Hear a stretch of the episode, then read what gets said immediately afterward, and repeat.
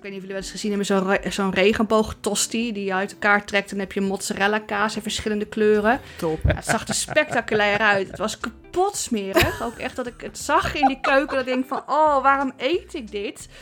Maar ja, leuk voor de Instagram, hè. Dus dat, Ja, eh, is, dat is eigenlijk een beetje de hele vibe daar. Maar je Gewoon kan- leuk voor Instagram, maar niet eh, fantastisch. Maar je kan dus gewoon slecht eten in Japan. Dat kan dus ja, gewoon. in Harajuku kan dat. Ja, ja, ja. Ook weer een ervaring aan zich. maar, Ja. eh, ja. Eh, Niet je per se een aanrader. Ja, ja, ja, ja.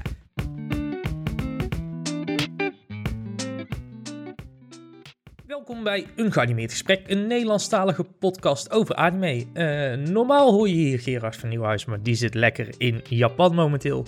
Dus ben ik Kevin Rombout en ik zit vandaag aan tafel met... Jocelyn van Alphen en met... Joyce. Yay. Hey, daar ben je weer. Goed dat je er weer bent. Gezellig. Weer een beetje he- helemaal hersteld van eh, Heroes Made in Asia. ja, wel, eh, wel weer lekker bijgekomen. Altijd eh, zo'n aftercon dipje wel een paar dagen. Een weekend vol lol. en dan in één keer is het weer maandag. En zit je op kantoor. En dan, eh, ja, dan wens je alweer snel terug naar het volgende weekend. Ja, snap ik, snap ik. Ehm, Heftig. Nou, voor, ja, voor de mensen die jou eh, nog niet eerder bij ons in de podcast hebben gehoord, want je bent al eh, een aantal keer verschenen, onder andere tijdens Heroes Made in Asia. Eh, waar, waar moeten mensen jou van kennen, Joyce? Eh, nou, inmiddels van, de podcast al, als ze braaf luisteren. nee, ik, nee, ik heb eh, een tweetal Japan-platformen. Eentje is eh, de Sushi Times, een eh, nou ja, online reisblog en cultuurmagazine, zoals ze dat noemen. Daar schrijf ik over alles wat maar met de Japanse cultuur en Japanse reizen te maken heeft. En het tweede platform is Proef Japan.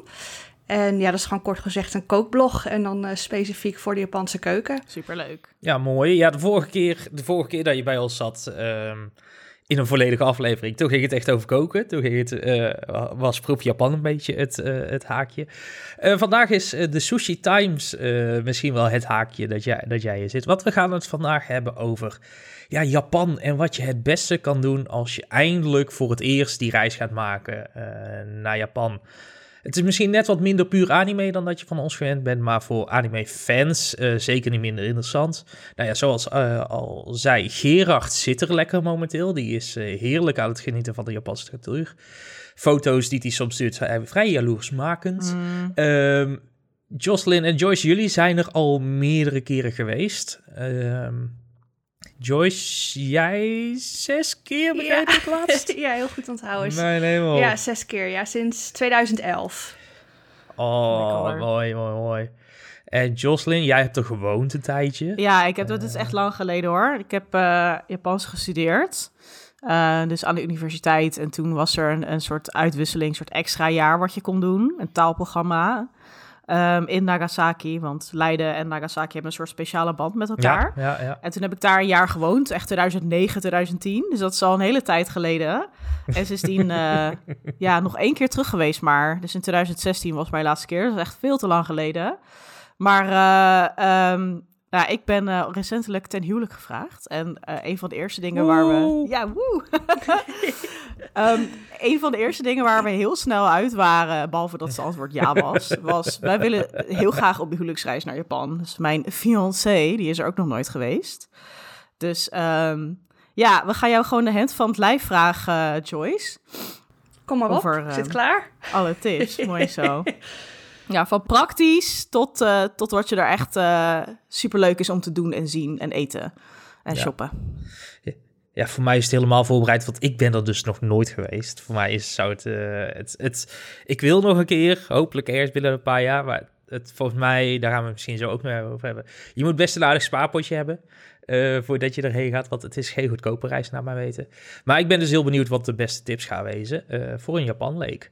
Uh, daar gaan we het zo verder over hebben. Eerst uh, nog wat kort nieuws. Uh, is weer even geleden dat we wat nieuws hebben gedaan, maar het is wel goed om even te bespreken. Um, dit zag ik voorbij komen. Do It Yourself, de heerlijke koddige klus-anime waar we afgelopen seizoenen regelmatig over hebben gehad. Krijgt een live-action remake. Um, wat ik toch altijd wel een bizar principe vind eigenlijk. Want er zijn best wel veel anime's momenteel die, die de live-action treatment ja. krijgen in Japan. Um, helemaal omdat, ja, do-it-yourself eigenlijk over een clubje 12-jarigen gaat. En dan ga je daar een live-action remake maken met semi-volwassenen of zo. Dat vind ik altijd een beetje, beetje, beetje raar. Ja, dat is altijd het probleem, Ehm, hè, met van die high school series en zo. Ja. Dan kun je de mensen zijn gewoon 30. Je moet dan iemand van 15 spelen. Ja, is goed. De Adult Knutselclub werkt ook. ja, snap ja, je? op zich, op zich. Ja, ja, Gewoon de ja. vrouwtjes in de buurt. Die dan gewoon... eh, zeg ik, pak mijn scrapbook supplies en mijn strijkkraaltje weer uit de kast hoor. Dat komt goed. Nederlandse versie van Do It Yourself. Je hoort het hier als eerste. Dat is. eh eh, al- algemene vraag. Wat, wat vinden jullie van, van live-action anime remakes? In algemeen, zeg maar. Niet, niet alleen van Do It Yourself. Daar kunnen we heel veel mening over hebben. Maar überhaupt. Volgens mij zijn er ook recentelijk remakes van eh, Tokyo Revengers geweest. Ehm, op Crunchyroll staat momenteel de Persona 5 musical. Of theatervoorstelling, moet ik het eigenlijk noemen. Ja, ik ben er sowieso bevooroordeeld in. Want ik kijk toch liever anime of cartoons dan IRL dingen in zijn algemeenheid Mhm. al. Dus ik vind het al vaak eh, eh, niet heel erg denderend. Zeker als je eerst de cartoonversie hebt gezien en dan Ja, pas naar de ja, ja, live ja. action gaat. Ik denk dat eigenlijk de enige uitzondering voor mij Way of the House Husband is. Oh ja, Want die- ja. Ja, die anime was echt dramatisch slecht om te kijken. Met die semi-manga 2.0 animaties. Ik weet niet wat ze daar De probeerden. PowerPoint-presentatie. Ja, Ja, dat dat- was ja, echt dat- PowerPoint. Dat deed het hem voor mij echt niet. Terwijl ik het idee en het verhaal van Way of the House Husband wel leuk vind. Dus in dat geval vond ik de live action wel een keer leuk om te zien. Ja, bij mij is ook... Ik sluit me er echt helemaal bij aan bij wat je zegt. Ik vind het ook gewoon vaak niet nodig. Want ook Nee. eh, ja, de acteerprestaties van de stemacteurs... en gewoon hoe het verhaal wordt geframed, de cinematografie... alles is op anime ingesteld. Dus of je moet dat inderdaad helemaal radicaal anders gaan doen... Of je ziet inderdaad dat ze het echt shot voor shot gaan namaken... en dat acteurs ook een beetje anime-achtig acteren. En dat is echt gewoon super awkward vaak. Dus ik ben geen fan. ja. Maar de enige uitzondering, en volgens mij staat die film op Netflix van eh, eh, de anime Rurouni Kenshin. Ehm, daar waren toen Oh, ook ja, een stel OVA's van gemaakt. En die waren dan echt heel duister. Gaat over een, een huurmoordenaar tijdens de Meiji Restoration. Dat is echt een interessant stukje geschiedenis. Maar daar is dus echt wel een goede live, live action film van. Hmm. En als je nou zou denken van, oké, welke anime lenen zich nou goed ervoor? Dan die OVA's, die zijn ook gewoon heel volwassen. Die Ja. tekenstijl is ook heel anders, zeg maar, dan, eh, dan de tv-anime en de manga. Ook gewoon echt, nou, heel realistisch. Dus dan zou ik zeggen, die is voor mij echt de enige, enige uitzondering, maar verder. Ja, die was ook wel echt wel heel erg goed hoor. Maar ik denk sowieso, zo ga je wat weggaat van het hele fantasy special effects gebeuren. En wat meer richting die ja, kostuumdrama-achtige situatie, Mhm. de samurai films. Dan heb je sowieso alweer wat meer opties om te doen. Maar Ja. Je ziet het vaak ook, eh nee, zo gauw het, nou, die Dragon Ball Z film, dat doet nog steeds zeer, weet je wel. Van denk ik, oh, wat heb je ermee gedaan? En zelfs, wat was het laatst? Death Note, die had dan weer een nieuwe, Oh, ja, een ja, nieuwe ja, film. ja. En ik had zelfs iets van, ja, vermakelijke film als je niet weet dat het Death Note moet voorstellen. Ja, En Ja. dat zie je dan ook al. eh, er wordt soms iets te losjes mee om te gaan. En dan mis je net even die, die extra vibe, die extra look en feel die je in die anime wel hebt. En gewoon niet op camera of met special effects kunt nabootsen. ja, het is echt, eh, ik weet niet, ik vind het nog wel moeilijk om de vinger, mijn vinger er dan op, soms op te leggen. Maar wat ik wel interessant vind, is dat dus zelfs Japanse remakes, dus remakes, live-action remakes van Japanse makelaardij, die, die, die vind ik eigenlijk gewoon ook bijna nooit dus goed gedaan. Nee, we, nee, we nee. kunnen natuurlijk allemaal gewoon heel lekker terecht zeiken op al die westerse live-action remakes. Die zijn gewoon ook extra kut wat mij betreft. Maar ik moet zeggen dat ik het in, dat, dat ik het in Japan ook niet vaak goed vind gaan, dus... Nou ja, goed. Nee, dat snap ik, dat snap ik wel inderdaad. Dat, ik heb ook... Ik krijg vaak zo'n cringe gevoel, zeg maar, als ik dan zoiets voor... Ik, oh, dat, dat was er waar ik mee in mijn hoofd zat. Laidback Camp heeft ook een, een eh, live-action serie gekregen vorig jaar of twee jaar geleden of zo. En als je dat ook ziet, eh, ja, wat je zegt, ze proberen die, die show shot voor shot na te maken. Alleen Mm. het, het werkt gewoon niet. Helemaal ook. Ehm, en dit klinkt misschien... Dit, dit is niet op een negatieve manier bedoeld. Ehm, personages in anime hebben vaak een heel karakteristiek uiterlijk. Die hebben herkenbare eh, stijlen, kleuren, haarkleuren, noem maar Ja. op. En als je dan zo'n live-action remake hebt, is heel dat onderscheidende en dat karakteristieke wat die mensen maakt, is weg, zeg maar. Waardoor het heel lastig ook is, ik denk vooral voor, voor Westerlingen, om goed personages dan uit elkaar te houden. Wat, om, omdat ze gewoon een stuk meer op elkaar lijken dan dat men in de anime deed. Ik denk misschien Ik dat je dat daarmee richting het realisme gewoon überhaupt gaat. Hè? Van anime is natuurlijk niet realistisch in kleur en Ja. setting en dat soort dingen. Het bos is ook altijd perfect groen, het water mooi blauw, weet ja, je wel, dat ja, soort ja, dingen. ja. En ehm, als je dan gaat kijken naar nou ja, met Laidback Camp, ik heb toevallig in die bossen rondgelopen en een van die bergen waar eh, een van de afleveringen zich ook afspeelt. En er werd ook hevig eh, merchandise verkocht op die plek.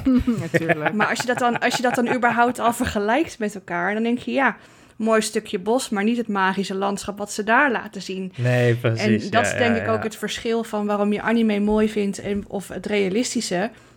Het is vaak net wat zachter, wat kleurrijker, wat mooier, wat gepoetster. Je kunt eh, het aanvullen in je fantasie. En dat hebben Ja. we volgens mij ook al een beetje genoemd met het eten hè, in die aflevering. Mhm. Ja. Ehm, je gaat je er dingen bij inbeelden. Hè? Van als je zelf in dat bos staat, dan zie je de realiteit. Je ruikt de realiteit, je hoort de realiteit.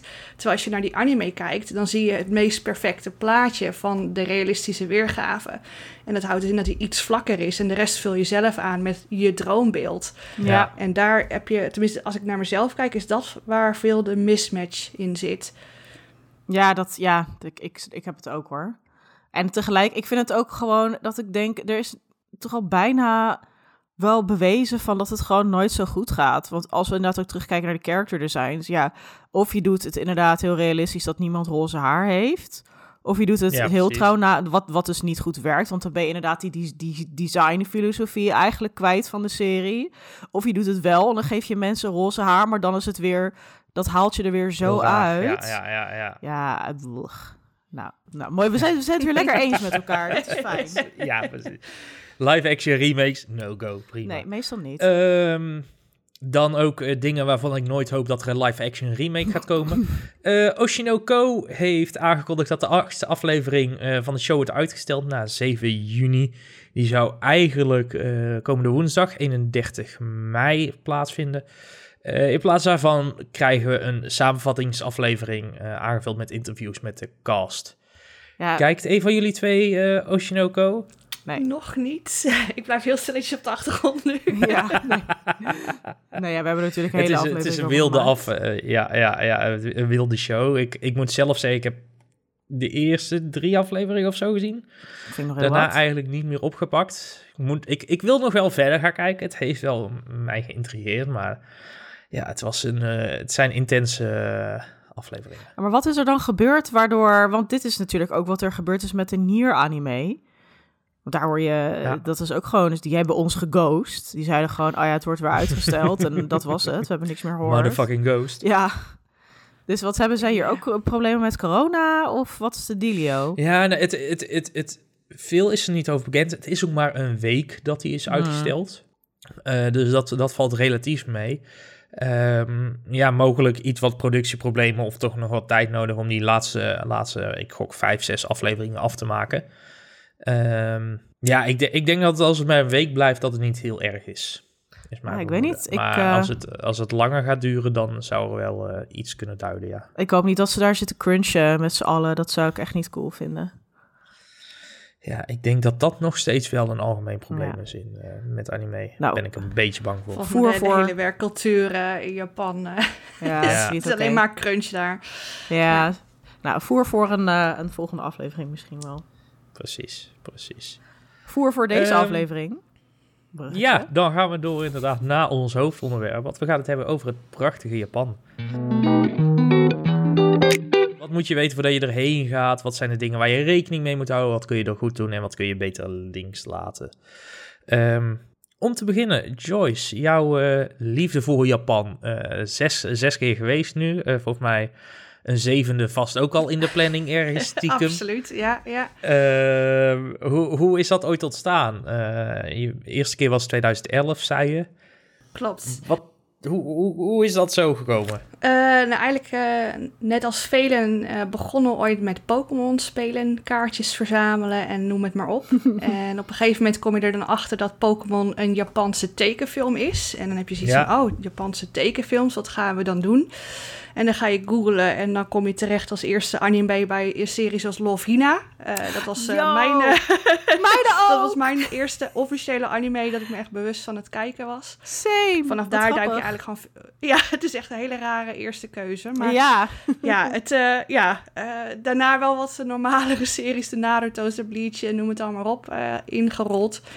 En vanaf daar kom je dan toch ook in aanmerking met... Um, nou ja, wat verschillende aspecten van de Japanse cultuur. Uh, en op een gegeven moment kwam Memoirs of a Geisha, de film, uh, was een oh, hele ja. hype. Oh ja. Toen begon het denk ik een beetje voor mij te spelen van... oh, Japan is meer dan alleen die, die, die, die gekke tekenfilmpjes die ik af en toe kijk.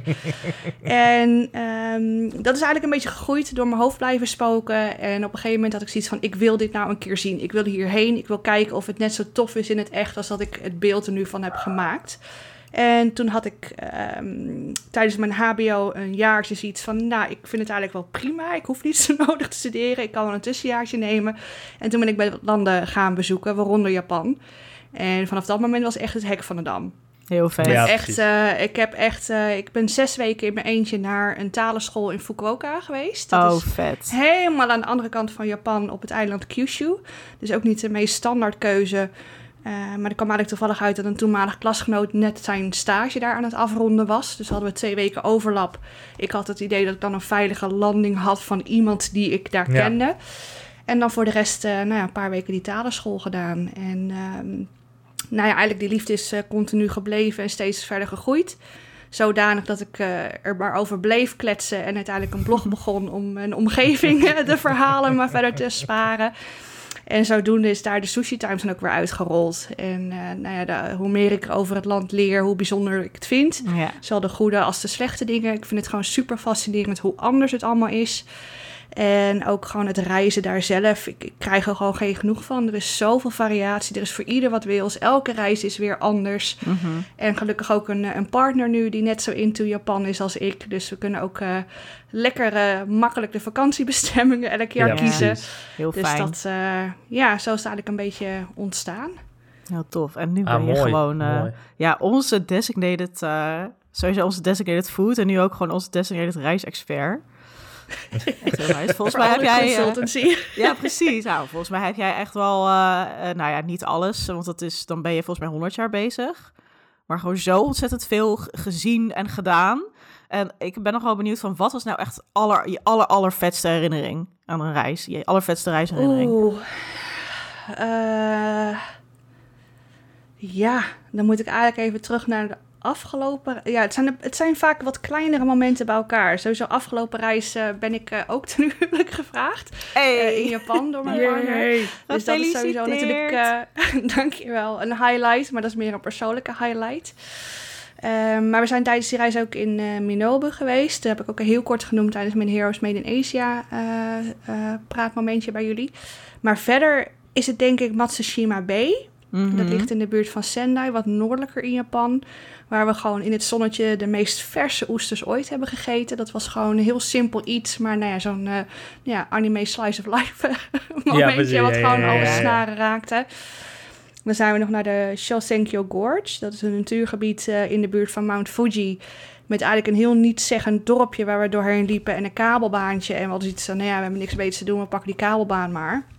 En we, lopen die, of we gaan die kabelbaan omhoog. We stappen eruit. En we staan oog in oog met het meest waanzinnige uitzicht op Mount Fuji wat ik ooit gehad heb. Oh, damn. Echt gewoon uit het niets. Gewoon echt nou ja, een wolkenzee. Echt een, een, waanzinnig mooie plek. En dat was ook vooral denk ik omdat we het niet verwacht hadden dat het zo mooi zou zijn. Is dat uh, heel erg bijgebleven.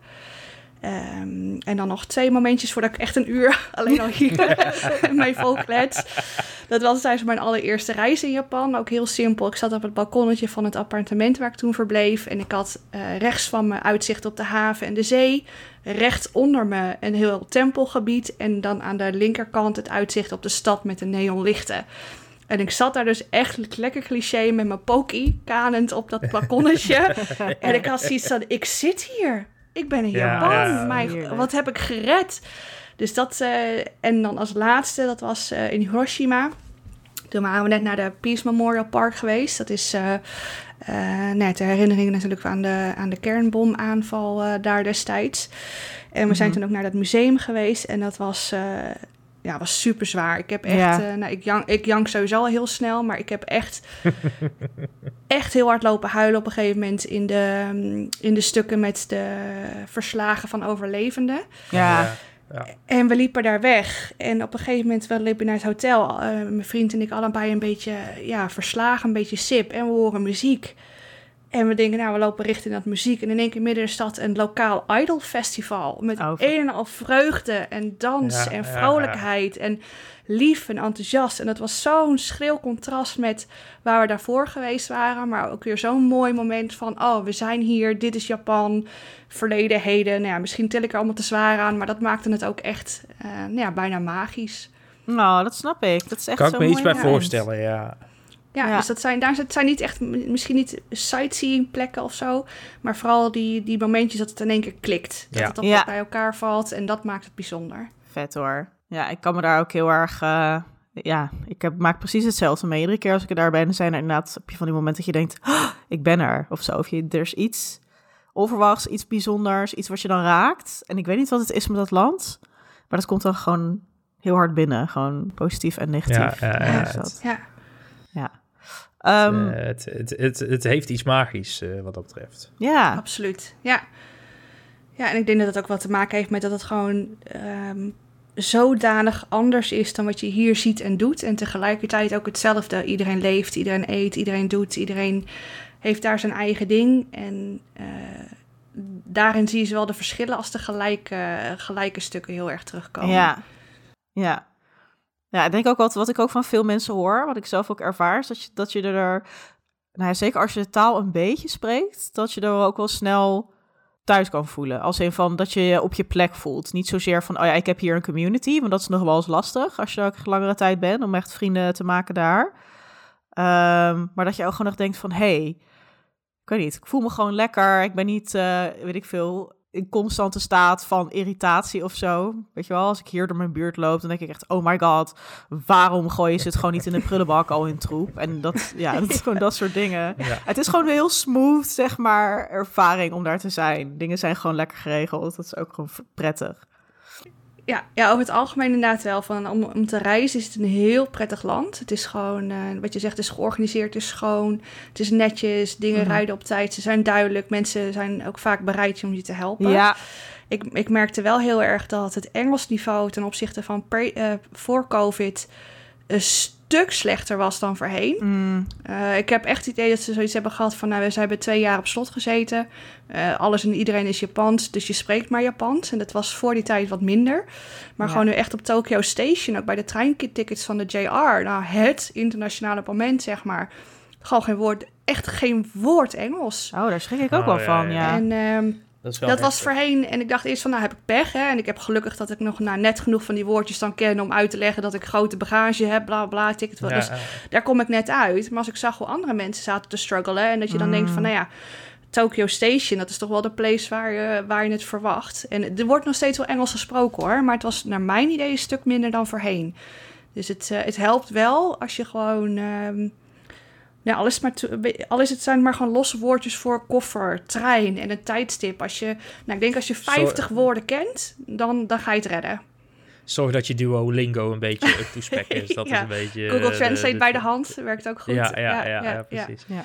Dat is, dat is eh, eh, vooral als je daar bent. Laten we ehm, eerst even bij, bij het begin beginnen. Want ik denk dat voor veel mensen, überhaupt als je voor de eerste keer naar Japan wil, dat er al heel veel vragen opkomen eh, voordat je überhaupt bent vertrokken. Voordat je überhaupt een voet op het vliegveld hebt gezet. Dat was bij mij in ieder geval wel zo. Ehm, misschien wel voor ons Nederlanders de belangrijkste vraag. Wat ben je ongeveer kwijt als je aan Japan Ja, moet denken als je naar Japan gaat reizen? Want hoeveel wil je als zakgeld hebben? Hoeveel wil je gespaard hebben ongeveer? nou, daar heb ik Eh, altijd een mooi antwoord voor, want wat kost een auto? Lekker, lekker dooddoenend, maar er is niet echt een, eh, een dingetje op te drukken. Kijk, van... eh, ik, ik, heb, ik geef natuurlijk wel eens van deze lezingen. En dan zeg ik ook Ja. inderdaad altijd van wat het kost, hangt er maar helemaal vanaf van wat je wil. En Ja. ik kan alleen maar Ja. spreken vanuit mijn ervaring. En ik weet dat ik zelf ehm, eh, een reiziger ben die eh, wel van wat luxe en wat gemak houdt, maar dat niet meteen alles first class moet, want dat, eh, dat redt mijn Nee, spaarpot ook niet. dus heel, als we dan gewoon even globaal kijken, dan voor een reis van drie weken zit je al snel richting de 5000 euro op het moment. Ja. En dan heb je het inderdaad inclusief hotels, vlucht, eten, drinken, Ja. hotels, shoppen, attracties en noem het maar op.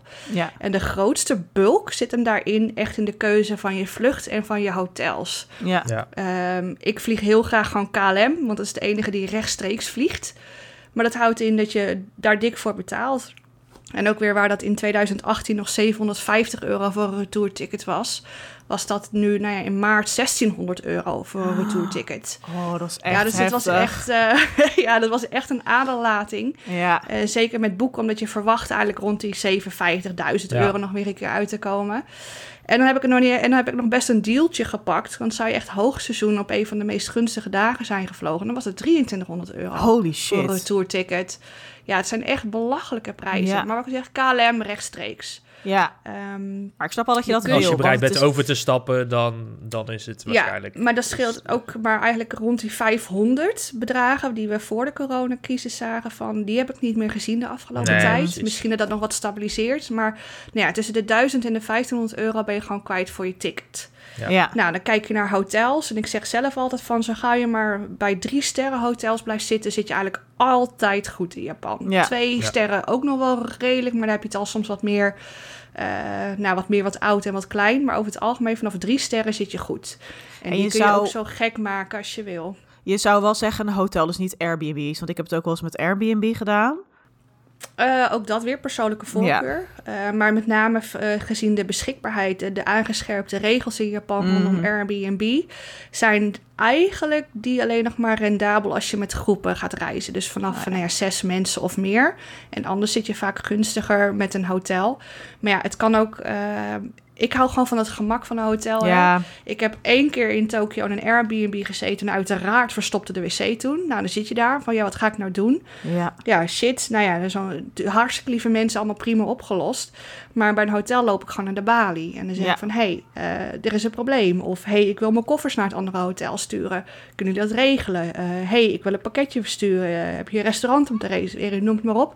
Dat soort dingen vind ik fijn voor een hotel. Ja, Ja, ja, en dan kunnen ze je natuurlijk ook En- met de taal helpen. Dat is natuurlijk ook wel een groot Ja, voordeel. Absoluut. En wat je, ja, gewoon prijstechnisch zit er vaak niet zo heel veel verschil meer in. Eh, voor als je, zeker met z'n tweeën, maar als je het gewoon lekker vindt om wat meer ruimte te hebben of eh, wat voor jezelf te koken bijvoorbeeld, ja, dan Mhm. kan een Airbnb alsnog een goede keuze zijn. Ja. ja, ik had wel een heel, ge- heel fijn Airbnb toen in Tokio.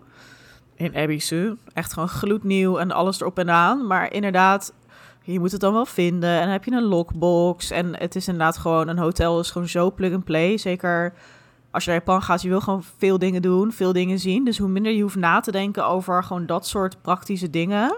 Ik denk ook hoe fijner het voor jezelf is. Ik denk dat je het jezelf ook gewoon zo makkelijk mogelijk moet maken. En dat wat jij ook hebt gedaan, van als je het kan Ja. kan redden om rechtstreeks te vliegen, ik zou het ook aanraden, want het is gewoon een klote reis.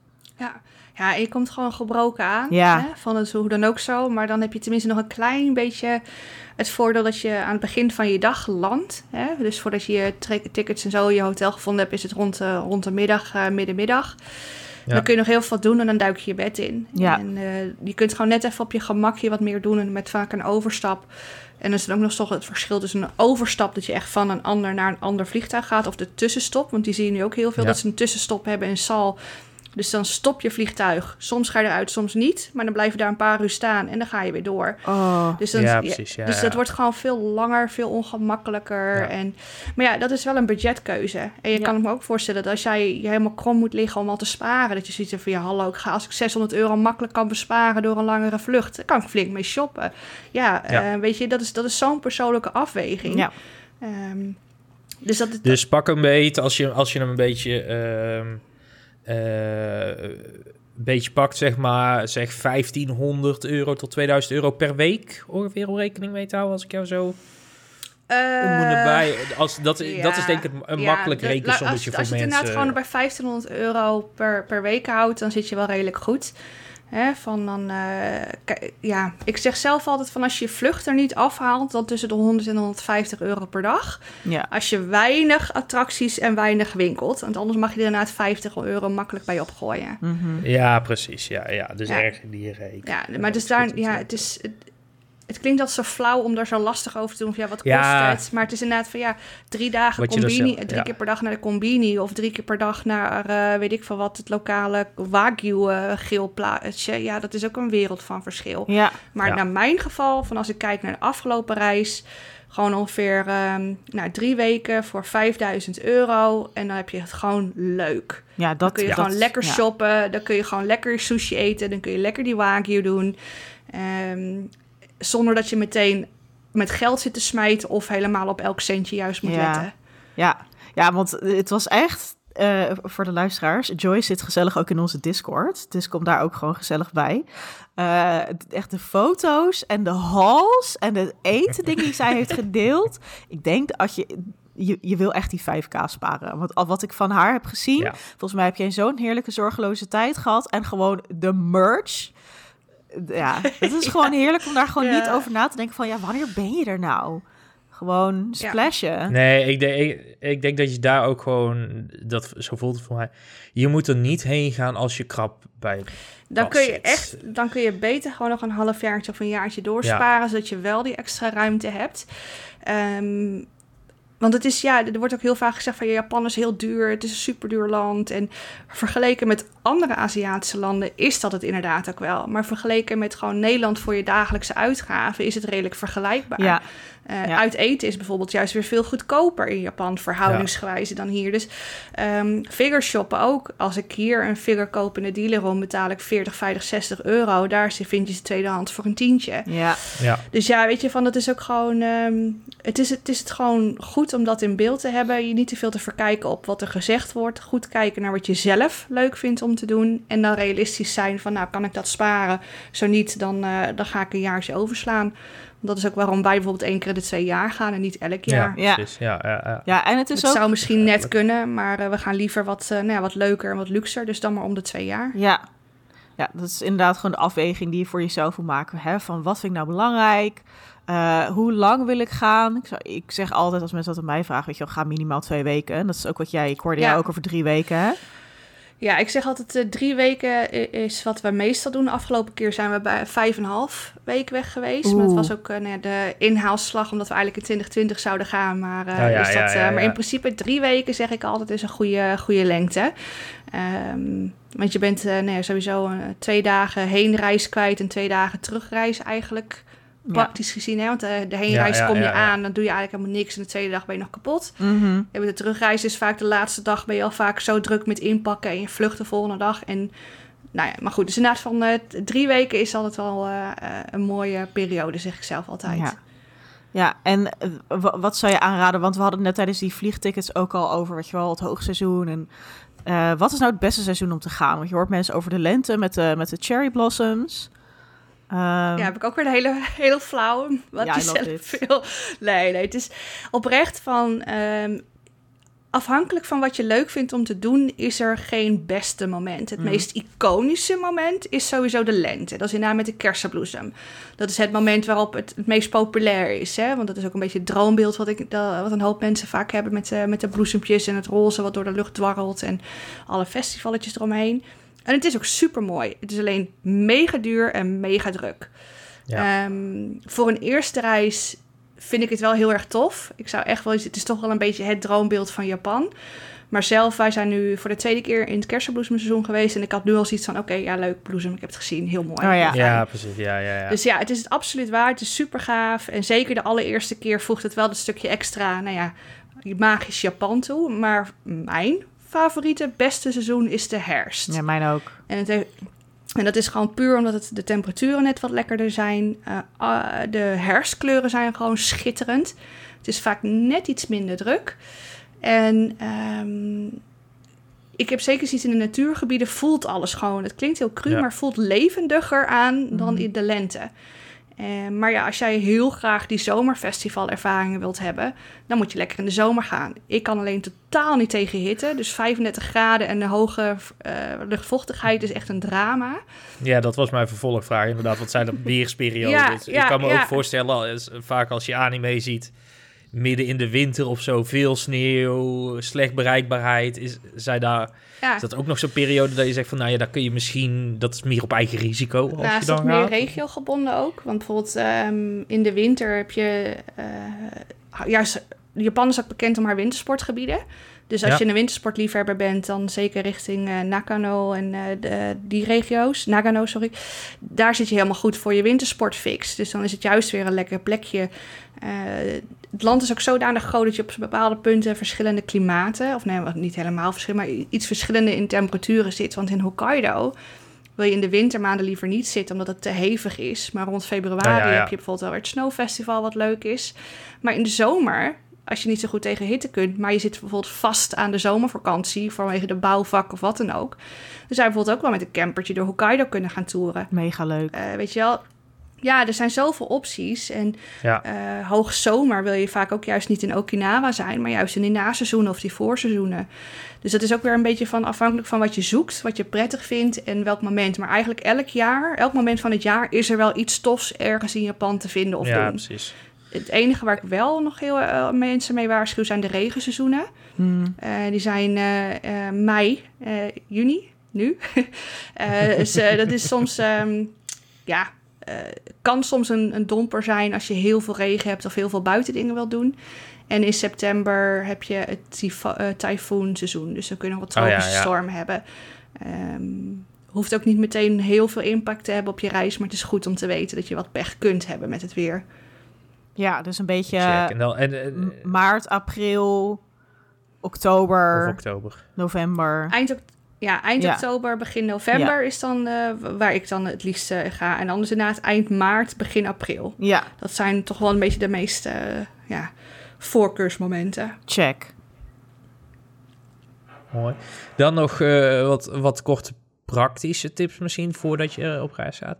Ehm, dingen als inentingen, moet je daar rekening mee houden? Eh, of of eh, speciale kleding of specifieke kleding waarvan je zoiets hebt van... nou, dat zou ik altijd zorgen dat je dat in je, in je koffer hebt zitten. Eh, ja, ik, ik moet eerlijk bekennen, ik weet niet meer wat nou de laatste status is. Maar als het goed is, hoef je niet meer per se COVID-vaccinaties te hebben om het land in te komen zonder test.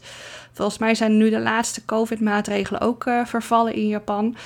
Ehm, maar sowieso, het, ja, ze zijn daar wel wat, eh, ehm, wat strikter. Dus mocht er ergens toch nog weer een wind komen van een opleving of zo, dan kan het in je voordeel zijn als je wel gewoon volledig gevaccineerd en geboosterd bent.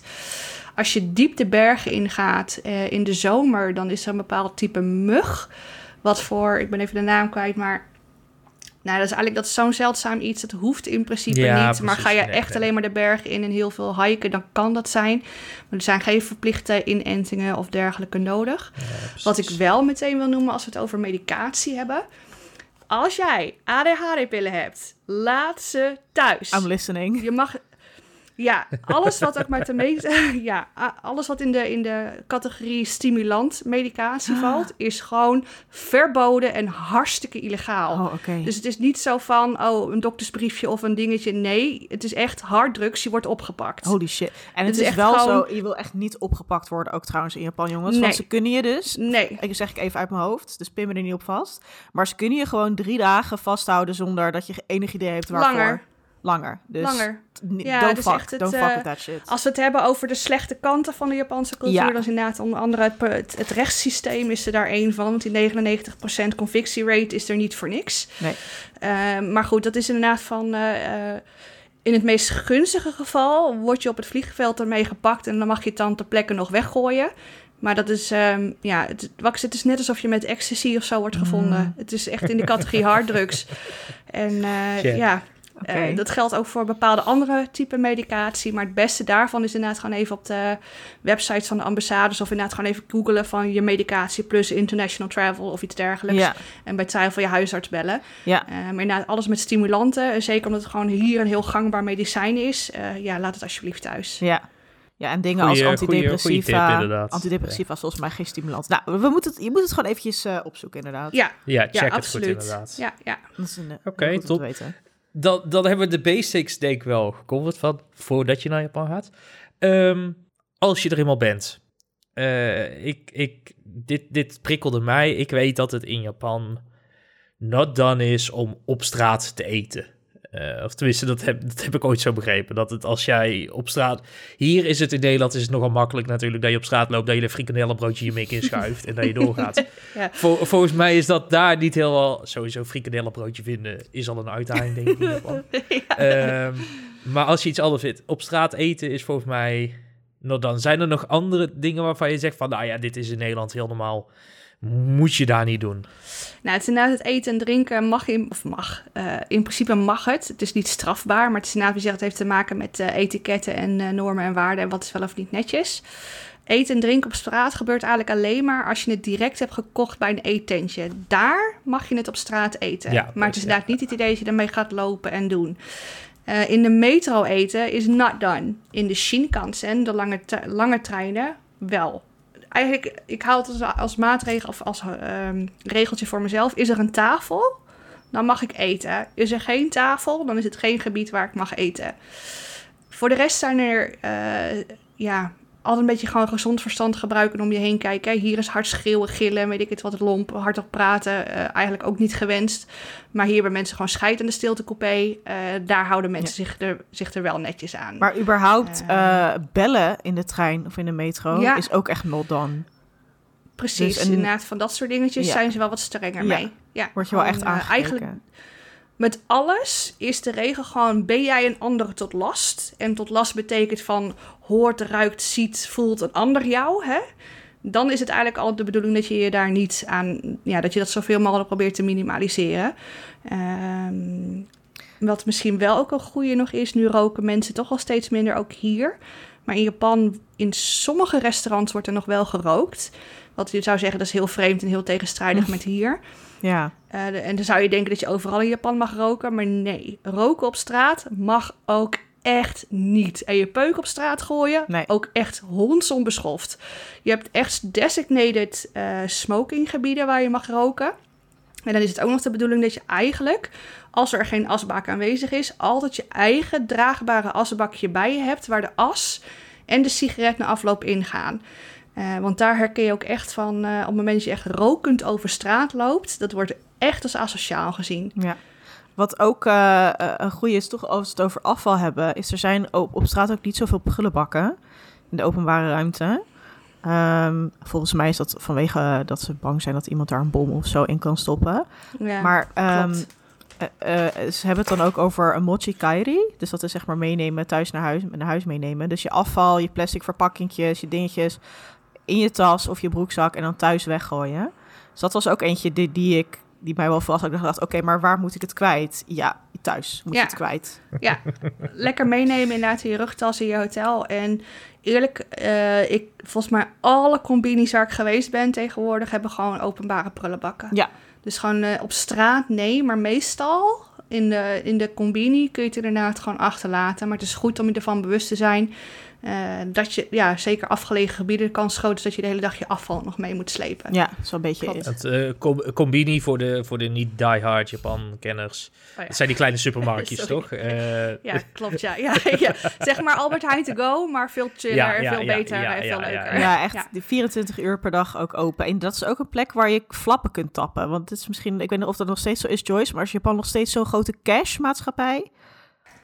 Eh, tot mijn grote verbazing minder. Oh! Dus het, eh, ja, ik denk dat daar corona een een en ander in, eh, eh, in heeft betekend. Maar het is niet iets waar wij veel aan hebben. Want het Oh. is bijna allemaal betalen met de mobiel.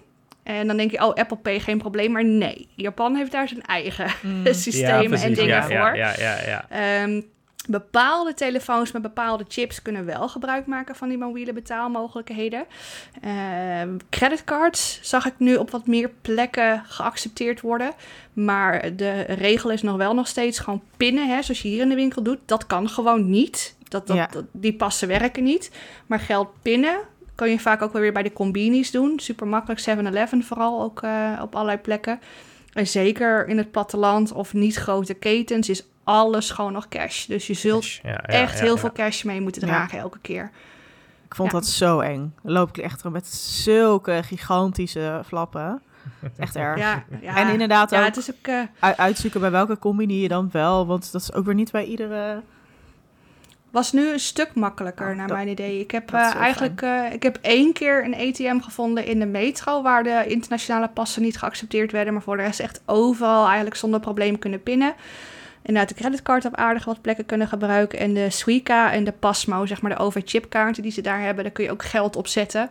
En kleine betalingen mee doen bij bijvoorbeeld eh, nee, ook weer de combini, maar ook eh, Oh. vending machines, treinkaartjes, OV. Ah, ja, dat, ja, eh, praktisch. dat was Ja. ook nu wat uitgebreider dan eh, nog voor, voor COVID. Dus er zijn wel wat, eh, ja, Ja. wat zijn wel positieve dingen uit, eh, ja, ja, uit ja. Ja, want dat is misschien ook wel een goede vraag. Dat OV, we hebben, het, we hebben de, de, de JR, dus Japan Railways, de Rail Pass. We hebben inderdaad Suica en Pasmo echt voor, voor, voor OV. Wat zijn nou echt de dingen die eh, heel handig zijn en wat kun je in Nederland al bestellen? Eh, de J-Rail Pass, sowieso. Ja, is Eh, dat echt een must? eigenlijk in Nederland... Nee, Ah. nee, nee. Het is, eh, het is een must als je heel veel wilt gaan reizen tussen steden. Oh ja. En voorheen was, het, ehm, eh, was zo'n pas eh, 450 euro voor 21 dagen. En dan kon je onbeperkt met de hogesnelheidstrein, minus twee lijnen, maar over het, kon je eigenlijk het hele land goed door. Die pas gaat alleen vanaf oktober 2023 met bijna nou ja, 100% omhoog. Wordt het, gewoon, of, eh, het wordt gewoon het dubbele. Holy. Oh, Dus-. Ja, dus die drempel om die pas eruit te halen wordt in één keer een stuk groter. Maar bijvoorbeeld een retourtje, of een enkeltje moet ik zeggen, een enkeltje Tokio-Fukuoka, dat is zes uur met de trein, is al 250 euro. Mm. Dus ga je inderdaad eh, echt alle uithoeken van het land door in drie weken tijd, dan kan die JR Rail Pass nog steeds in je voordeel werken. Maar het is gewoon echt een smakgeld extra die erbij komt. En voor de rest, of je dan een Suico of een Pasmo of welke OV-chipkaart dan ook. Als je een van die twee hebt, dan zit je eigenlijk overal goed. En die kun je gewoon ter plekke regelen. Ja. Ehm, daar hoef je dus voor de rest niet over na te denken. En die JR Rail Pass zou eventueel ook ter plekke of zelfs online kunnen. Maar die is duurder dan wanneer je het van tevoren thuis laat komen. Oké. Dus dat, eh Ja. ja. makkelijker Maar je zou dus, dus, dus, dus ook misschien ehm, zeggen, want we gaan het zo nog eh, uitgebreider hebben erover.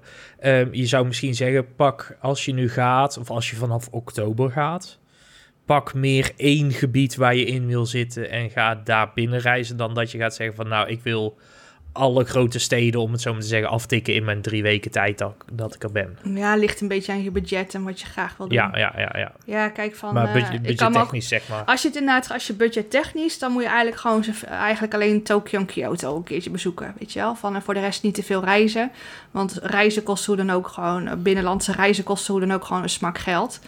Ehm, dus ja, vanuit een budgetoverweging is het goedkoper om op één plek te blijven. Ja. Ja, precies. En ik zou inderdaad ook wel echt aanraden om die, die OV-chipkaart, zo'n Suica of zo'n Pasmo te nemen. Want eh, eh, mijn ervaring is ook dat, ik weet niet of dat veranderd is inmiddels, maar dat al die, waar die, die, die ticketmachines voor de, voor de metro en zo, dat is dus ook allemaal cash. Dus dan loop je al je gek met muntjes inwerpen iedere keer. En nu kan je gewoon er wat op Ja. zetten en gewoon bliep en door. Dus dat is echt heel chill. Ja, precies. Ja, ja, Ja, ja, het is, maar het is sowieso gewoon ook heel makkelijk. Ook inderdaad met eh, de vending machines, eh, UFO-catchers. eh, trouwens ook in de, in de arcades eh, hebben het ook steeds meer. Nice. Dus ja, dan kun je echt... eh, het, het scheelt je wat extra klein geld op zak halen als je met die Pasmo eh, doet. Ja, precies. Ja. Slim, slim, slim. Hey, Ehm, je, je, je noemde net al kort... eh, oh, sorry, wat wou jij zeggen, Jo- eh, Jos? Nou, wat ik nog heel handig vond van mijn vorige reis was die pocket wifi. Want eh, we zijn Oh ja, natuurlijk zo vragen. vergroeid met Google Maps. En zeker als je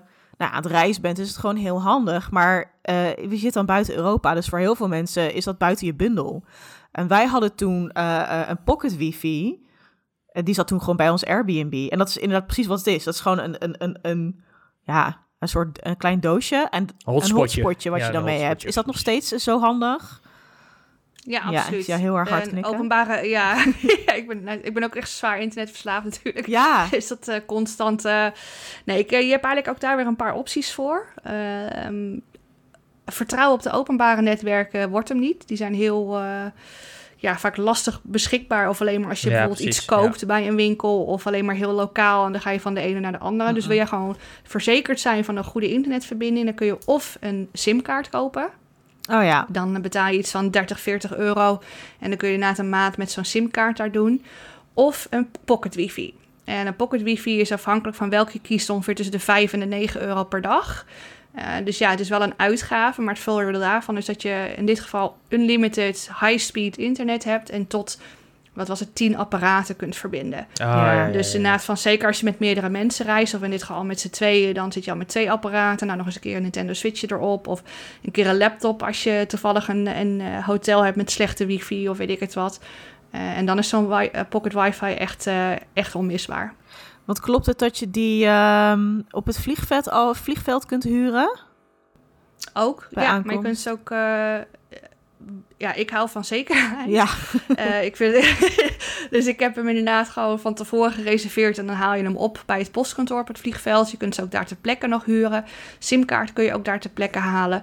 Eh, maar het makkelijkste is wel om het even van tevoren te reserveren. ja. Ja, En je hebt dan ook weer een paar verschillende eh, providers en dat soort dingen. En eh, er komt ook een plug nu, want ik heb ook een partnership Oh. met Ninja Wi-Fi. dus check de site voor discountcode, bla bla bla, influencer lifestyle. Nee, maar het is eh flauw grapje. maar het is inderdaad, je hebt verschillende soorten. Maar ik heb zelf Pocket een Ninja Wi-Fi, heb ik dan inderdaad die partnership mee. Maar dat komt ook omdat ik hun eigenlijk altijd gebruik. Maar dan lieg ik wel, want dit jaar komt die. waren ze eigenlijk zodanig duurder geworden dat ik ben overgestapt naar hun concurrent. En daar zijn we nog, eh, ehm, daar heb ik hopelijk binnenkort ook wat leuks nieuws over. Maar het is wel even echt de moeite waard om te vergelijken tussen de aanbieders. ja, ja, ja. En dan goed te kijken naar de datasnelheid, de prijs in zijn algeheelheid, eventuele eh, verzekeringen die ze er nog verplicht zeg maar, bij Oh, ja. zetten. Ehm, dus ja, er zijn, eh, er zijn een aantal aanbieders. En ik zal inderdaad, de- ik stuur de link anders wel even door met het lijstje, met, waar heb ik de vergelijking al in Ja. gemaakt. Ehm, ik heb hem nu niet bij de hand. Maar in elk geval, eh, Sakura Wi-Fi is ook eh, een hele goede, betrouwbare in elk geval. Ah, ja. Dus, Nice. eh, ja. Dat te weten. Dat is wel eh, tegenwoordig met onze algemene internetverslaving, denk ik wel een, eh, een, een handige om op zak te Nou, hebben. ja, maar ook gewoon praktisch. Ja. Het is inderdaad Google Translate, Google Maps. Het is echt Ja. van eh, met name Google Maps in die achter, achteraf gelegen plekjes. En als je geen Japans spreekt, is het bijna onmisbaar. Want ze, kunnen, ze laten je de looproute naar je bus zien. Welke busnummers je moet hebben. Noem, het is echt, het is zoveel makkelijker. Ja, ja, dus ja, ja, ja. buiten alleen maar gewoon een leuke, haha, kijk mijn Instagram, eh, weet je wel, posten, is het gewoon super makkelijk. Het is Ja. echt, het maakt je reis zoveel zorgelozer. Het is het echt waard. Ja, dit, dit, toen ik het achter het bestaan van dit kwam, dacht ik, dit verandert alles. Dit is zo chill. Dit maakt je het echt een stoonstuk zorgelozer. En ook ehm taxichauffeurs weten vaak de weg niet. Dus als jij zegt van, hallo, ik wil naar het, weet ik veel, Golden Marriott Hotel, dan zeggen ze, oké, moet ik hier naar links? Moet ik hier naar rechts? Ze weten het niet. Dus als jij Google Maps hebt en je weet het Japans woordje voor links en rechts, dan kun je ze ook al heel goed helpen. Ja, Want daar kun je ook niet heel erg op aan, is mijn ervaring. Zelfs in grote steden niet. Dat je ze echt een beetje Ja. moet helpen. Vaak. I- naar mijn idee ook dat is iets minder geworden. Ik heb Oh, inderdaad nu gelukkig. wel wat, eh, wat eh, gelukkig wat taxichauffeurs gehad met een ingebouwde Navi of inderdaad eh, zelf de telefoon in de, in de houder. Maar het in, inderdaad, het komt soms voor dat ze, dat ze ziet ze zeggen, ja, zeg maar waar ik heen moet. En dan rijden ze erheen. ja. Maar dan moet je wel zelf weten waar je heen moet, ja. ja precies. Ja, ja, oké, maf. Ehm, als je er dan bent. eh, ja, alle praktische dingen wat- heb je goed geregeld. Dat is allemaal check, ja, check, ja, check. ja, je, je, je bent ingecheckt. Je kunt eindelijk, je kan eindelijk stadsteden, locaties in. Eh, wat, wat zijn de hotspots? Waar, waar zou je... eh, laten we met Tokio even beginnen, denk ik. Ik denk dat dat het, het, het, het, meest, het uitgangspunt voor de meeste mensen zal zijn... als ze Ja. in ieder geval de eerste keer naar Japan gaan. Nou, dan zal ik ook wel met de meest obvious keuze beginnen voor eh, onze anime-liefhebbers. En dat is Ja. natuurlijk Akihabara. Of Akiba, eh, ook wel eh, genoemd Electric Town. Eh, de wijk heeft eh, vele namen, maar staat ook wel gewoon bekend als het geekparadijs van Tokio. En dat is ook niet zo vreemd, want het is gewoon een straat vol, of eigenlijk nou een wijk vol Met nou ja, anime, merch, manga, games, meetcafés, uh, elektronica winkels, noem het allemaal maar op. Alles wat uh, het, uh, nou ja, je hartje begeert als otaku zijn, kun je daar vinden. Modeltreinen, bouwkits, modelautootjes. Echt, we hebben het allemaal voorbij zien komen. Fantastisch. En met name in de avonduren is het een heel mooi gezicht. Want uh, de neonverlichting kent daar geen grenzen, zoals ze dat wel eens zeggen. het is uh, een spektakel om te zien. Al, uh, al heb je er eigenlijk helemaal niks mee. Het is alleen al tof om er gewoon doorheen te lopen en te kijken. Dus dat is nummer één, denk ik, op de lijst voor menige luisteraar en voor onszelf ook wel. ja. Ja, het is echt heel, heel tof. En niet alleen denk ik als je fan bent van anime of van games. Want daar kun je natuurlijk qua merch helemaal, helemaal los. Maar het is ook als je bijvoorbeeld fan bent van retro uh, elektronica, weet je, retro consoles, allerlei dingen die je alleen in Japan kan vinden, uh, art supplies, als je van tekenen houdt, uh, dat soort dingen. En wat ik ook heel tof vond in Hakihabara is dat je zo'n autoloze dag hebt. Wanneer is dat ook alweer? Zondag. Oh ja, zondag. Zondag, ja. En dan is echt gewoon de stad helemaal van jou. Dat is echt zo tof. Ja, het is echt inderdaad uh, lekker over straat walmen. En uh, het is een stuk minder druk dan ook voor je gevoel. Want je zit niet meer tot aan de paadjes. Uh, maar je kunt gewoon lekker oversteken en te doen. En dat maakt, geeft wel een hele andere sfeer op zondag. Ja, ja klopt. echt leuk. Ja. En, en, en wat nou als je met niet, niet, niet otaku's naar Japan gaat, zeg maar. Um, wat, wat, zijn dan, wat zijn de plekken dan buiten Akihabara... Um, waarvan, waarvan jullie zeggen van moet je checken. Als je, als je in Tokio bent, zorg dat je ook minstens daarheen bent geweest. Mag zo cliché zijn als de pest. Dat, maar ja, wat, zijn, heel- wat zijn de, de spots? Ik denk dat Shinjuku er dan ook echt al eentje is. Zo lekker eh, inderdaad vanwege de crossing, hè, die ze vaak in films en series ja, ziet. ja, ja. Eh, dat is. Shibuya, toch? Duizenden... Shibuya? Oh, sorry. Zei ik dat? Zei Shinjuku. Ook tof. Oh, sorry. Nee, ja, ook... Nee, sorry. Shibuya, ja. Shibuya Crossing. Ja. Ja. En ehm, eh, dat is inderdaad gewoon de Shibuya Scramble, wordt die soms ook wel genoemd. Daar overheen lopen en ook weer omringd zijn eh, door de gebouwen, geeft je echt zo'n Tokyo-feeling. Eh, daarnaast kun je gewoon lekker shoppen, lekker eten. En eh, bestaat het eh, beroemde Hachiko-beeld er. Het is wel stervensdruk. Maar ik vind het toch gewoon leuk om daar even te staan en eh, te kijken naar het Shinjuku. Dat noemde ik, eh, dat is ook voor s'avonds avonds echt een toffe plek voor een, een drankje en een hapje. Odaiba vind ik zelf ook heel erg leuk. Dat ligt wat meer aan de rand van Tokio. Dus een ehm, relatief nieuw gebied. Dat hebben ze ook deels drooggelegd.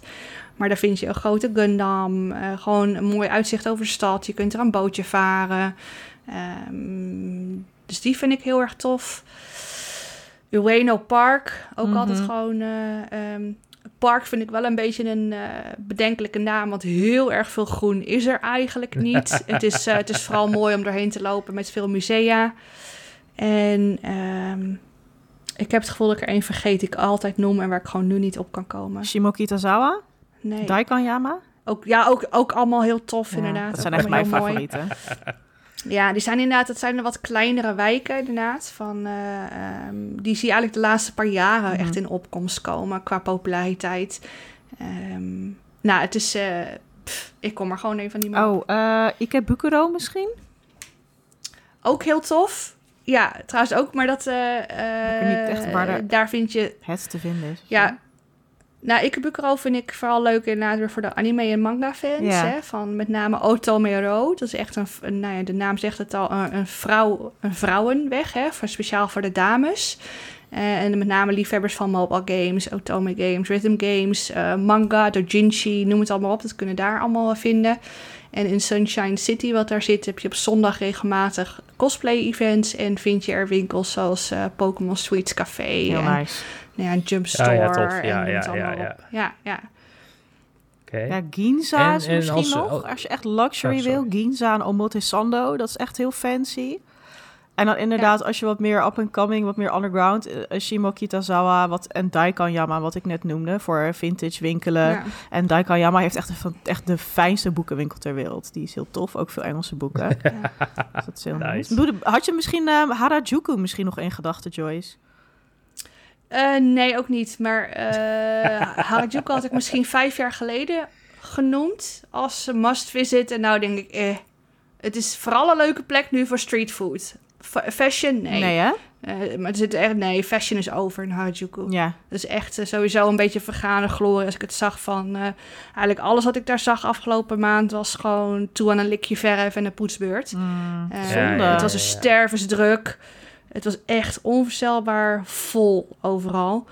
En ja, weet je, het is, ik heb er ik, hartstikke leuke foto's gemaakt nog wel weer hoor. En eh, gewoon lekker gegeten. En bijvoorbeeld, ik weet niet of jullie wel eens gezien hebben, zo'n re- zo'n regenboogtosti die je uit elkaar trekt. Dan heb je mozzarella kaas in verschillende kleuren. Top. Ja, het zag er spectaculair uit. Het was kapot smerig. Ook echt dat ik het zag in die keuken. Dat ik denk van, oh, waarom eet ik dit? Maar ja, leuk voor de Instagram, hè? Dus dat, Ja, eh, is, dat is eigenlijk een beetje de hele vibe daar. Maar je Gewoon kan- leuk voor Instagram, maar niet eh, fantastisch. Maar je kan dus gewoon slecht eten in Japan. Dat kan dus ja, gewoon. in Harajuku kan dat. Ja, ja, ja. Ook weer een ervaring aan zich. Maar, Ja. eh, ja. Eh, Niet per se een aanrader. Ja, ja, ja, ja. En, en- en als, eh, als, als je dan buiten, buiten Tokio gaat reizen, wat zijn dan nog wat, wat highlights qua steden of gebieden waarvan je zegt van, oh, dat is zo, zo goed. Ik zal eerst gewoon weer even de, de gangbare maar even noemen. Dat zijn natuurlijk Kyoto, hè? Dat is eigenlijk eh, de traditionele tegenpol van, Ja. van Tokio. Eh, waar, waar hier vind je de geisha's, eh, de, de tuinen, de tempels. ik wou zeggen de rust niet, ehm, Nee. want het is er nog steeds heel erg druk. Daar heb je daar vlakbij Nara, bekend van de herten. Eh, Osaka Oh ja, ligt ja, er ook eh, net weer wat onder. Osaka wordt ook soms wel het, eh, wordt vaak vergeleken met Tokio, maar dan als een wat luchtiger, vriendelijker, gekker Ja, ja, ja. iets. ja. En ook hier, als je me een paar jaar geleden had gevraagd wat ik van Osaka vond, had ik gezegd van nou, sla maar over, vind ik echt helemaal niks aan. En nu ben ik er afgelopen reis geweest en ben ik toch verliefd geworden op de stad. Ik snap Ah, nu tof. eindelijk, het heeft nu eindelijk geklikt wat het is. Ja, Ehm, wat is het dan met, dus met inderdaad, oh- Osaka? Want ik hoor inderdaad ook de laatste tijd steeds meer mensen over hoe leuk het daar is. Terwijl, Ja, ik vond het vooral inderdaad het, eh, de sfeer en het, ik kon niet anders dan gezellig. Het was gewoon echt overal, met name zo gauw de zon een beetje ondergaat en echt die verlichting weer opkomt, of de, de, de neonverlichting overal gaat en mensen gaan borrelen en eten en drinken. Het was gewoon super leuk. Overal naar het praatje staan maken met mensen, biertjes gedeeld, leuk. eh, eten gedeeld. Eh, ook bij ons hotel hadden we... Ja, we zaten aan een hotel tegenover een treinspoor, een metrospoor. Maar daaronder... eh, het was een verhoogd spoor, maar daaronder zaten dus allemaal restaurantjes. Waaronder gewoon een Ah, klein tof. Pleintje ja. met vier foodstalls. Yattais, zoals ze het ook maar noemen. Dus gewoon een soort nou, ja, foodtrucks, maar dan net anders. En dan hebben we gewoon heerlijk s'avonds zitten borrelen en ouwe hoeren en kletsen met mensen. En het was gewoon echt... Ja, ik snap nu eindelijk een beetje wat mensen bedoelen met Osaka. Maar je moet er dan Ja. dus wel echt gaan voor nou, de avond, het avondleven, de, de biertjes, Ja, de, e- het eten. En niet zozeer voor overdag alle bezienswaardig. Ook tof hoor. Ook gewoon een Namba Shrine bijvoorbeeld, dat is heel mooi. Eh, en nog gewoon sowieso Dotonbori overheen lopen. Maar ook dat is gewoon leuker s'avonds en in het donker. Ja. Ja. En wil je dan nog iets verder weg, dan zou ik zeggen Sendai, richting het noorden van Japan, vond ik echt een hele toffe stad. En juist het tegenligger helemaal in het zuiden Fukuoka. Maar dat zijn twee plekken waar, nou ja, zeker als je een beetje op je treinkosten wil letten, je misschien Ja, niet zo ja, snel ja, ja, eh, ja, zult ja. komen. Ja, ja, Tof. ja. Ah, mooi. Helemaal zin in zit nog even te denken, maar En als je nou, eh, als je Ja. nou buiten de stad, weet je wel, wat, wat, wat, ik al, wat, wat ik altijd fijn vind, is dat je dan een stad hebt, bijvoorbeeld je, je, in, in Tokio of in Osaka, en dan gebruik je die als uitvalbasis om, zeg maar, leuke dagtripjes te doen of even naar de natuur of wat dan ook. Wat zijn, wat zijn je tips daar? Een beetje afhankelijk van wat je graag wilt zien. Als jij heel graag meer tempels en dergelijke wilt zien, dan moet je eigenlijk vanaf Tokio naar Nikko. Mhm. Dat is zeg maar nou ja, tempelspot nummer 1. Daar vind je verschillende boeddhistische en Shinto-schrijnen en tempels op één locatie. Ook eh werelderfgoedlijsten staat erop. Cool. Ehm, zelf vond ik deze keer zijn we naar Minobu geweest. Dat is eigenlijk een, eh, ja, een dorpje aan de voet van Berg Minobu in de buurt van Mount Mhm. Fuji. En er is eigenlijk, dat is echt een idyllisch klein stadje met ouderwetse Japanse gebouwen, heel veel natuur. En eh, eigenlijk staat alles in het teken van eh, ehm, een tempel daar. En dan kun je ook verblijven in de tempel Ryokan die daar zit. Dat is echt eh, nou ja, een gebouw met 500 jaar historie. Hebben we ook geslapen dit keer, twee nachten. Eten, drinken, alles zo'n beetje inclusief. En vanaf daar kun je dan bijvoorbeeld ook weer met de kabelbaan naar de berg toe en daar bekijken. Je kunt de diensten in de tempel bijwonen. Eh, het is echt, dat was een, echt een ervaring die me voorlopig nog wel even bij zal blijven. Totaal anders dan de gekte van, van Tokio of Kyoto, maar niet minder indrukwekkend. Uh, nee, dat was echt een hele gave plek. Heel nou, vet. Die Shosenkyo Gorge die ik net noemde, Oh, ja. met uh, het uitzicht op Mount Fuji, super gaaf. En um, iets meer in het noorden uh, heb je ook nog de Kurobe Gorge. Dat is ook weer een super mooi natuurgebied. Dat gaat door uh, langs een dam en water en ook door de Ah, ja, bergen. tof, en uh, ja, ook weer echt eventjes uh, weg uit de stadse drukte. En, en ben je wel eens wat, dat, dat vind ik altijd heerlijk om te zien in, in anime. Van die ontzettend kleine, koddige boerendorpjes of zo. Ben je daar wel eens heen geweest? Echt van die, van die out-there plekken dat je denkt van... Hoe ben ik hier in hemelsnaam terechtgekomen? Maar het is wel hilarisch om te zien. Of, of valt dat wel mee? Eigenlijk alleen op doorreis. En één keer omdat we toen een keer een verkeerde bus hebben gepakt. Ehm, en ja, het is ook dat... we- Weet je, van die dingen, ze zijn in gedachten denk ik leuker dan er echt ja, zijn. ja, ja, ja. Want alles is dicht, alles is ver uit elkaar. eh, je hebt er weinig te doen. Ehm, kijk, zoals Minobu ook van, er, er is daar gewoon niks te beleven in de verste verte niet. Er zat bijna geen combini, was er zelfs bijna te vinden. En de dichtstbijzijnde boekel was t- 40 kilometer verderop. Dus ja, het, is de, het idee ervan is heel leuk, maar ehm, je moet wel wat te doen hebben. Dus ben je bijvoorbeeld ehm, aan het fietsen met een tent of je hebt een camper in de huur, weet je wel. Dan zijn dat soort plekken echt de moeite waard om doorheen te reizen. Want dan kun je net rustig zeggen, ik stop een uurtje in dit dorpje, ik kijk rond en ik rij weer verder. Maar als jij na drie uur met je bus of met je trein hebt moeten knutselen om er te komen en je hebt er maar een uur wat te doen en je moet weer terug. Ja, dat is gewoon zonde ten opzichte van alle ja, ja, andere ja, dingen die je kunt doen. Dus ja, als dat echt je ding is, tuurlijk, hartstikke gaaf en je kunt je er vast wel iets vinden. Maar ik denk dat een gemiddelde reiziger eh, Ja, beter precies. af is door ehm, nou, misschien wel wat buiten de steden te gaan, maar niet te ver het platteland Ja. in te trekken. Ja. Ik denk dat je dan ook helemaal met die taalbarrière zit ook. ja, Absoluut. dat, dat Ja. zeker. Ja, Ja, dus dat daar moet je echt wel wat, wat meer Japans voor spreken dan eh toeristen Japans. Ja. ja. hey, en even puur egoïstisch voor mezelf, voor iemand die gaat honeymoonen. Wat zijn nou de meest romantische plekjes? Eh, nou, ik kan je in elk geval wel zeggen dat de romantic train in Kyoto niet romantisch is. check. Dat, eh, dat was echt. Dat was echt. eh, nou ja, dat is dan ook een beetje op- om, het op mij te betrekken. Dat was eigenlijk waar mijn vriend mijn eerste instantie die dag ten huwelijk wilde gaan vragen, s ochtends in de trein. Maar dat was zo'n drama dat hij maar bedacht heeft het later te doen die dag. Mooi. Ehm, maar wij gaan bijvoorbeeld zelf, eh, nou ja, ook op onze honeymoon verrassing naar Hey. Japan. De bruiloft nog niks, nog niks gepland, maar we weten al wel dat we naar Okinawa gaan met onze honeymoon. Tof. Ja, dus dat is eigenlijk voor ons, eh, is dat, is een beetje mijn visie van de romantiek in dit geval. Gewoon lekker met z'n tweeën op een tropisch eiland, Ja. hè, want dat is Okinawa. Ja. Daar het. lekker vertoeven, snorkelen, in de hangmat liggen. Echt een beetje dat luie vakantiegevoel. Dus voor ons is dat eigenlijk het stukje Ja. romantiek dat we daar gaan opzoeken Ja. in Japan. En verder zou ik er bijna zeggen van eh, de plekken aan zee. Ik ehm, Mm, vond Kobe eh, vond ik verrassend leuk. Ik had oprecht niet verwacht dat ik Kobe als stad zo leuk zou vinden. hoor ik vaker. Eh, en niet alleen. Ja, en ik, eh, maar ik ben een beetje tot de conclusie gekomen dat ik havensteden gewoon leuk vind. En met name ook aan het water, de sfeer die er zit. En, dat ma en Kobe vond ik dat helemaal een soort romantische vibe hebben aan het water. S'avonds Cool. met de lampjes en de, de lichtjes. En, dus dat zou ook nog wel eens een leuke plek kunnen zijn. En plus dan heb je meteen eh, Kobe beef voor dinner. Ja. Dus dat, eh, Dat wil ik, dat, ik ben er nog nooit geweest in Kobe en ik hoor er zoveel leuke dingen over. Dus dat, die staat ook wel een beetje stiekem op mijn lijst ook. Het is mooi om deze bevestiging Ja. te horen. Ja. Ja, ook eh, nou, zeker voor eten kun je natuurlijk goed terecht. Want eh nou, Kobe Wagyu eh, is daar natuurlijk het ding. Ze hebben ook best een leuke Chinatown daar nog zitten. Daar hebben we ook gewoon goed gegeten. Nice. gegeten. En ik, we hebben zelf ook, dit keer zijn we wel aan de Wagyu gegaan. Ik eet normaal gesproken overwegend vegetarisch slash vegan. Maar in Japan is het nog wel eens een uitdaging. Ja. Ehm, en dit stond op de bucketlijst van mijn vriend. Nou, een eh, verloofde moet ik elke keer zeggen. maar het klinkt, het klinkt nog zo raar.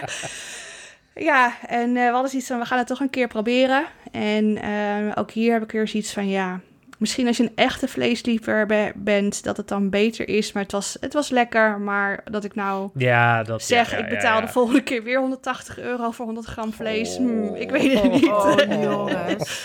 Maar dat is echt een bucketlist Ja. ding. Dat is wel echt, dat doe je niet gewoon. je, ja. je betaalt gewoon voor de ervaring. Ja. Want het was Ja, inderdaad ook, dit weer. Dit had goedkoper gekund hoor. Maar we Ja. zijn eigenlijk per toeval eigenlijk in het, in het meest bekende Kobe beef restaurant van eh terechtgekomen. Want we hebben gewoon letterlijk eh, Google Maps aangezet. Dat was het dichtste bij. Nou, dat was die. Ja.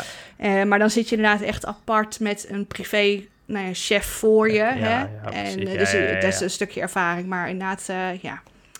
Laat Dat ik zo is- zeggen. dit, dit is... Sorry, j- jij triggert iets in mijn, in mijn hoofd door- doordat je zegt Google Maps. Eh, dit, dit was iets eh, wat, wat ik laatst tegenkwam op internet. En ik weet niet of je dat kan bevestigen of, of ervaren. Ehm, als je in Japan iets zoekt op Google Maps... dat je eigenlijk niet in het Engels of in het Nederlands moet zoeken... maar dat je het eigenlijk even door de vertaalmachine moet gooien... en dat dan in Google Maps moet gooien... omdat je dan echt de Japanse locaties krijgt... in plaats van gewoon toeristische, populaire dingen... die al zijn vertaald... waardoor het makkelijk is te vinden in Google Maps. Nou, dat is, inderdaad, je zegt altijd is makkelijk, want het is vertaald. En vaak die restaurants, want dat zijn dan meestal de dingen die je op dat moment opzoekt. eh, dat zijn dan restaurants met iets van Engels in de naam... of die al rekening Ja. hebben gehouden met Engelse bezoekers. Dus waarschijnlijk ook een Engelse menukaart. Dus dat kan juist heel fijn en prettig zijn. Dat kan juist zijn wat je wil. Ehm, maar inderdaad, als je bijvoorbeeld, nou, noem maar bijvoorbeeld eh, sushi. Als je naast sushi intypt op gewoon in het Nederlands of zijn Engels, dan ga je andere plekken tegenkomen dan eh, de traditionele namen. Maar nou is ook daar Google al steeds verder mee dat ze ook gewoon beter zijn in het herkennen en vertalen Ja, van woorden ten opzichte van namen. Want dat Ja. is vaak waar het misgaat, dat een naam niet vertaald wordt, maar een plaats wel. En daar zit soms een beetje de mismatch in. Mm. Ehm, en ik heb sowieso altijd zoiets van die hele obsessie van mensen van... oh, dat is te toeristisch, daar wil ik niet gevonden worden. Of hé, hey, daar hebben ze iets Engels, dat is niet echt Japans. Ik heb altijd iets van, ja, het is ook lekker en het is vaak ook gewoon prima. Het, het enige verschil is soms dat de ene wat meer moeite heeft gedaan... in het vertalen en het verwelkomen van bezoekers... en het net zo authentiek en net zo lekker en net zo fijn is... als dat zijn buurman het is die een bordje no foreigners op de deur heeft geplakt, weet je wel? ja, ja, ja, ja, ja. Ja. is dat dan de ervaring die je wil hebben? Ja, ik, ik- ja. ik vind het Nee, een heel terecht, verschil terecht, terecht. tussen, Ja. tussen zitten tussen echt puur toerisme. Hè, van waarvan je echt ziet van, nou, je krijgt nog net geen herkoude sushi op je bord en je betaalt 40 euro ten opzichte van iets wat gewoon een beetje een internationaal sausje eraan heeft Mhm. gegeven. En dus ik denk dat mensen daar soms ook wat minder zich op blind moeten staren Ja. naar die zoektocht voor dat authentieke Japan. Want authentieke Japanse sushi is ook gewoon sushi met een stukje hamburger en kaas erop. Absoluut. Weet je al, dat is gewoon, weet je, ja nee, maar dat is gewoon, ja, ik, ja. Ja, ik denk dat we hier, we zijn hier in Nederland altijd veel zeg maar moeilijker, snobistischer als het op sushi aankomt dan in Japan. Want daar inderdaad doen ze gewoon hamburger en Ja. knakworstjes op sushi. Like, je hebt inderdaad natuurlijk die grote sushi-meesters en dat is ook wel een soort toffe bucketlist ervaring om te hebben. Maar als je gewoon bij zo'n treintje sushi waarop het op zo'n zo'n zo'n loopband voorbij komt, ja, is ja, gewoon ja, lachen. ja. Dan hou je gewoon een sushi knakworst. Absoluut. Ja, ja, ja. Ja, Ja, en Het is niet zo diep. En net zoals het robotrestaurant destijds. De robotrestaurant is nu inmiddels gesloten.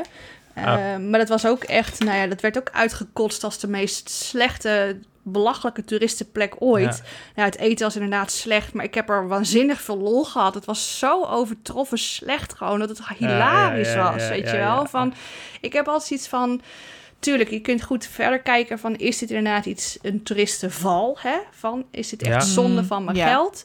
Of is het het leuk? En dat is soms ook nog heel wisselend. Want ook deze reis zijn we naar die Gundam in Yokohama geweest. Die er tot eh, nu gelukkig verlengd is en tot 2024 blijft. Maar dan kon je dan, je kunt gewoon naar binnen, je kunt de Gundam zien. Maar je kunt ook 35 euro per persoon extra betalen om naar de viewing deck te gaan. Iedereen is er lyrisch over. Nou, ik heb me nog nooit zo opgelicht gevoeld als toen. Oh shit. Ik vond het zo'n slechte ervaring. Dus ja, dat is ook gewoon... Ik haalde daar totaal niet uit wat ik daarvan Nee. verwacht had. Terwijl andere mensen misschien ook hier weer heel groot Gundam-fan waren... of het weet ik het wat, wat zij ervan verwacht hadden. Maar die waren wel heel erg blij. Dus het is toch altijd een beetje een gok. En eigenlijk een heel lang verhaal kort wil ik eh, gewoon... laat je niet al te gek maken door wat andere Nee, mensen precies. zeggen. Als het jou leuk lijkt om te doen, gewoon doen. Fuck it. Ja, Goeie, dat is de- misschien wel de beste I love tip, this, ja. inderdaad. eh, om te... Ehm, we zijn alweer veel te lang bezig, zie ik. Want we gaan, we gaan, je hebt, er zijn ik zoveel tips. wat je- wat, je- wat je zegt, je kan 100 jaar een tip vullen, dat is hartstikke heerlijk. Ehm, misschien om, om mee af te sluiten. Ehm, ik denk dat er luisteraars van ons, in het bijzonder, ehm, natuurlijk ook uh, op, op jacht gaan naar merch als ze in, uh, in Japan zijn. Want weet je, waar beter dan het daar het te doen. ultieme shopland. als je dat dan toch bent. Ja. Precies. Um, zijn er nou dingen waarvan jij zegt, hier moet je heel erg rekening mee houden als je merch gaat kopen? Uh, voor, voorbij kwam ik ergens op Discord tegen dat jij drie extra dozen of zo naar Nederland hebt verstuurd vanuit Japan met, met, met zooi die je daar wel pikt. Ja, hoe, klopt, hoe zit het ja. daar weer met, met verzenden, import, uh, taxen, uh, dat soort zaken? Zijn, zijn er dingen waarvan je zegt van, nou, hier zou ik wel even rekening mee houden? Nou, je kofferruimte, om mee te beginnen. Dat is uh, eentje waar ik me altijd op voor kijk. Nee, heel concreet heb je eigenlijk twee opties als je lekker geshopt hebt. En dat is inderdaad of alles meenemen in je koffer al dan niet met extra koffer of naar huis versturen. Um, in dit geval was gewoon het versturen voor, voor ons een beetje noodzaak, omdat we al heel vroeg in de reis iets te veel hadden gekocht, doordat we wat extra regenachtige dagen hadden. dus ja, wat ga je doen als het regent winkelen? Um, en we hadden geen zin om op dat moment nog 4,5 week met al die extra bagage mee te zeulen. Dus we hebben toen gekozen om een doos te versturen met JP Post. Nou, heb je online, staat het helemaal tot in de treuren uitgeschreven hoe je dat moet doen. Maar in het kort moet je een doos kopen bij JP Post. Ook echt daar een doos. Ja. Um, die kun je gewoon vullen met nou ja, je spulletjes in bubble wrap of weet ik het wat. Dat kun je bijvoorbeeld bij de Daiso, de 1 euro winkel, heel makkelijk vinden. En dan vul je online een formulier in. Dat is zeg maar een elektronische verklaring voor de douane wat je erin hebt zitten. En dan is het heel belangrijk dat het dingen zijn zonder lijm, zonder batterijen en weet ik het wat. En nou ja, dat, dat wijst zich allemaal online vanzelf. Krijg je een code, dan ga je mee naar het postkantoor, die scan je daar, label komt eruit en dan sta je aan de balie en dan ben je overgeleverd aan de willekeur van het personeel wat er staat. In het gunstige geval plakken ze gewoon de label erop, zeggen ze hey bedankt, wegen ze hem en dan tik je 150 euro af en dan is je doos van 8 kilo weg. In het meest vervelende geval gaat de doos open. En gaan ze alles controleren of het klopt Ah, wat je ja, erop ja, hebt ja, staan. ja, en noem het allemaal op. Want dat is echt, hier komt de bureaucratie ook weer naar voren. Uh, het moet volgens de regeltjes. Is er twijfel, dan staan ze echt met drie, vier man te checken of het klopt of niet. Ja. Nou, ik noemde net even terloops 150 euro. En dat is ook echt wat ik betaald heb voor een doos van 8 kilo. Jeetje. Dus het is ook echt een flinke Ja. doos. Ja. Maar ook hier weer, dit is met vliegen verzonden. Je kunt ook Ja. de bootoptie kiezen. Dan is het twee, drie maanden onderweg en ben je de helft goedkoper uit. Maar hoe dan ook, kostbare aangelegenheid. Zeker als je dat dus, dus twee Ja. keer in één vakantie doet. een extra koffer inboeken bij KLM kost je 80 euro ongeveer is. En dan kun Ja. je tot 23 kilo aan extra spullen meeslepen. Dus over het algemeen denk ik dat iedereen goedkoper en beter af is. En ook gewoon normaler eh, voldoende heeft aan een extra koffer. Dat is ook hoe wij het meestal doen. Kopen gewoon een extra sporttas van een tientje bij de Donkey. Ook weer zo'n soort eh, nou ja, action, maar dan gekker. Ehm, die stoppen wij helemaal vol. Die laten we plastic wrappen op het vliegveld. En dan ben je ook klaar. Ja. En mocht je geen zin hebben in het slepen met je extra bagage, dan kun je ook nog de eh, luggage services van je hotels gebruiken. Dan sturen ze de koffers van het ene naar het andere hotel voor twee tientjes Oh per ja, koffer. ideaal. En dat kan zelfs naar het vliegtuig, eh, vliegveld Mhm. toegestuurd worden. Wel een dag van tevoren doen dan. Ehm, maar dat zijn ook eigenlijk je opties. Dus of een extra koffer of Ja. verschepen met JP Post. En, en heb je dan ook nog te maken met, met douanekosten hier in Nederland als je het eh, Ja. laat verzenden? Ja, officieel tot, eh, t- eh, als je boven de 500 euro aan aankopen komt, dan heb je douanekosten. Ehm je hebt ook eventueel, als je in het shoppen bent in Japan, kun je BTW terugkrijgen of niet hoeven betalen op een aantal dingen. Vaak vanaf 50 euro en bij bepaalde winkels. Maar dat wordt geregistreerd en gekoppeld aan je paspoort. Ah, dus ja, op het moment ja, dat je gebruik maakt van die regeling, moet je ook rekening houden dat je gecontroleerd kunt gaan worden bij de douane. Ehm, maar over het algemeen, ja, een beetje, ja, mag ik allemaal als illegaal advies hè, wat ik nu geef, maar een beetje don't ask, don't tell. En, Ja, Gewoon doorlopen. Ja, ja, ja, ja, gewoon lopen. Niks hier te ja, zien. gewoon doorlopen, Ja. ja. doorlopen en hopen op het beste. Dat Ja. eh, tot Ja, nu toe eh, precies. afkloppen is dat eh, Ik denk dat je je ook gewoon heel saai dan ook moet kleden op zo'n reis. Gewoon heel saai kleden. Dat je niet opvalt. Ja, Saaie niet koffers. opvallend. Ja, Nou, het is gewoon, eh, wat ik er komen zoveel mensen met nog veel gekkere hoeveelheden bagage. Dus als je met z'n tweeën loopt met een bagagekarretje en er zit wat opgestapeld, ja, ze letten er niet heel veel op. Nee, maar inderdaad, van als jij daar aankomt met je zakken uitpuilend en je bodypillow onder je arm, ja, dan eh, denk ik dat je er wel uitgepikt gaat worden. Ja. ja, ja, ja, ja, ja, precies. Tip van de dag, geen bodypillows. Dus, Niet al eh, uw arm mee. Mooi. Ehm Jos, heb jij nog vragen aan Joyce of tips die jij nog eh, kwijt wil? Ja, ik denk mijn grootste vraag is... Kijk, we hebben nu natuurlijk allemaal gehad over do's. Dus zowel praktisch als gewoon qua fun. Maar wat, zijn, wat is nou echt iets wat Ja. je niet... eh, Wat, wat, je, wat je echt niet moet doen, wat gewoon echt stom is. Zonder van je tijd, geld. De Gundam Viewing. Oké, check. de haat zit diep voor de... Ja, ja. Nee, ik, eh, nee.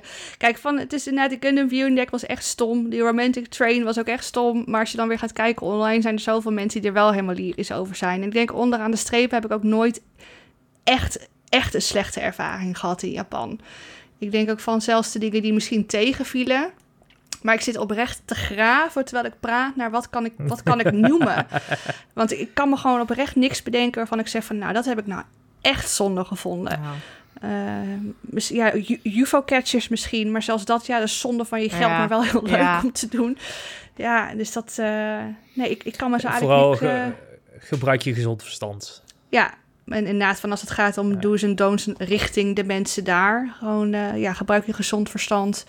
Nou het mooie spreekwoord van eh, wat u niet wil dat u geschiet, doe dat ook een ander Ja, niet, ja, hè? ja, van, ja, eh, dat, ja, eh, ja, ja, klassieker. Daar, daar heb je Ja. alles eigenlijk mee Ja. gezegd en dan eh, komt het meestal wel goed. Leuk. Precies. Ja. Oké, Nou, top. dankjewel Joyce. Voor al je expertise. Ik denk, eh, ik denk dat, we, dat we heel wat wijzer kunnen zijn. Misschien kunnen we hem nog eh, naar Gerard doorsturen terwijl hij eh, daar zit. Misschien haalt hij er ook nog wel wat uit tijdens zijn reis. Ja, ben jij helemaal, Ehm. eh, helemaal voorzien? Kev, je hebt er een beetje, een beetje een beeld bij. Ja, ik heb wel, ik heb wel, ik heb wel een beter beeld gehad inderdaad. Misschien het, het overgeromantiseerde, zeg maar, wat je in de anime ziet. Laat dat vooral los. Ja, Ik denk dat dat, dat, dat een goede wijsheid is. En voor de rest, ja, echt fout kun je volgens mij niet gaan in Japan. Dat, eh, Ik heb het nog niet meegemaakt, nee, in nee, elk geval. Precies. Er zullen vast wel mensen zijn met kleine tegenvallers of dingen die ze anders hadden willen zien Ja, of doen. ja, ja. Maar ik denk onderaan de streep dat er eh, de meeste mensen met een heel blij gevoel weer naar huis gaan. Ja, en dat smaakt volgens mij altijd naar meer. Want ik, ik, ik, ik ken niemand die er is geweest. Die zei, oké, dat was het. Iedereen is gelijk bezig met wanneer kan ik weer. is een beetje ervaring veel Ja, absoluut. Ik heb er helemaal zin Ja. van gekregen. Tijd om eens te gaan. Ja, precies. Wanneer eh, een ani- geanimeerd gesprek on tour in Japan? Ja, oh, precies. heel Ja, snel. ja, ja, ja. Morgen. Morgen. Tot zover. eh, dit was een geanimeerd gesprek. Vond je deze podcast leuk? Dat horen we altijd graag. Dus laat vooral een, eh, een recensie achter op Apple Podcasts. Of geef ons een rating op Spotify. Dat kan tegenwoordig ook. Daarnaast hebben we ook een website natuurlijk. Dat is ungeanimeerdgesprek.nl. Social media hebben we ook nog. Op Twitter eh, zijn we te volgen via @animegesprek en op Instagram en TikTok via @ungeanimeerdgesprek. Laat ook vooral jouw beste eh, Japan-foto's zien in ons Discord-kanaal. Eh, linkje eh, droppen we in de show notes natuurlijk. Joyce, waar kunnen mensen jou volgen, vinden en dat soort zaken op het internet? Als de Sushi Times. En ik zeg dan altijd de New York Times, maar dan met sushi. Ja, precies. Dus de sushitimes.com. Eh, op Instagram de Sushi Times. Eh, ik zou zeggen Facebook, maar daar zit ik niet zoveel meer op. Dus ik zou het lekker op Instagram en op eh, de website laten. En ik probeer ook wat TikToks up te loaden met de beelden van afgelopen reis. ah, leuk. en leuk, leuk. mochten mensen nog vragen hebben naar aanleiding van het geklets hier van mij, dan mogen ze ook altijd een berichtje sturen voor hun eigen vragen nog. Helemaal goed, helemaal goed. Dat gaan we allemaal in de show notes zetten. Jos, waar eh, kunnen mensen jou nog volgen? Ja, je kunt mij volgen op Twitter. Daar ben ik eh OMG Jos LOL. Dus dat is OMG DJOS LOL. En jij, Kev? Helemaal goed. Ik, eh, ik ben nog altijd te vinden op Twitter ook via @kevr en dat is K-E-V-V-R. Dan zeg ik bedankt voor het luisteren. Bedankt Joyce dat jij er was. Superleuk om je weer even gehoord te hebben. En zeg ik tot de volgende keer.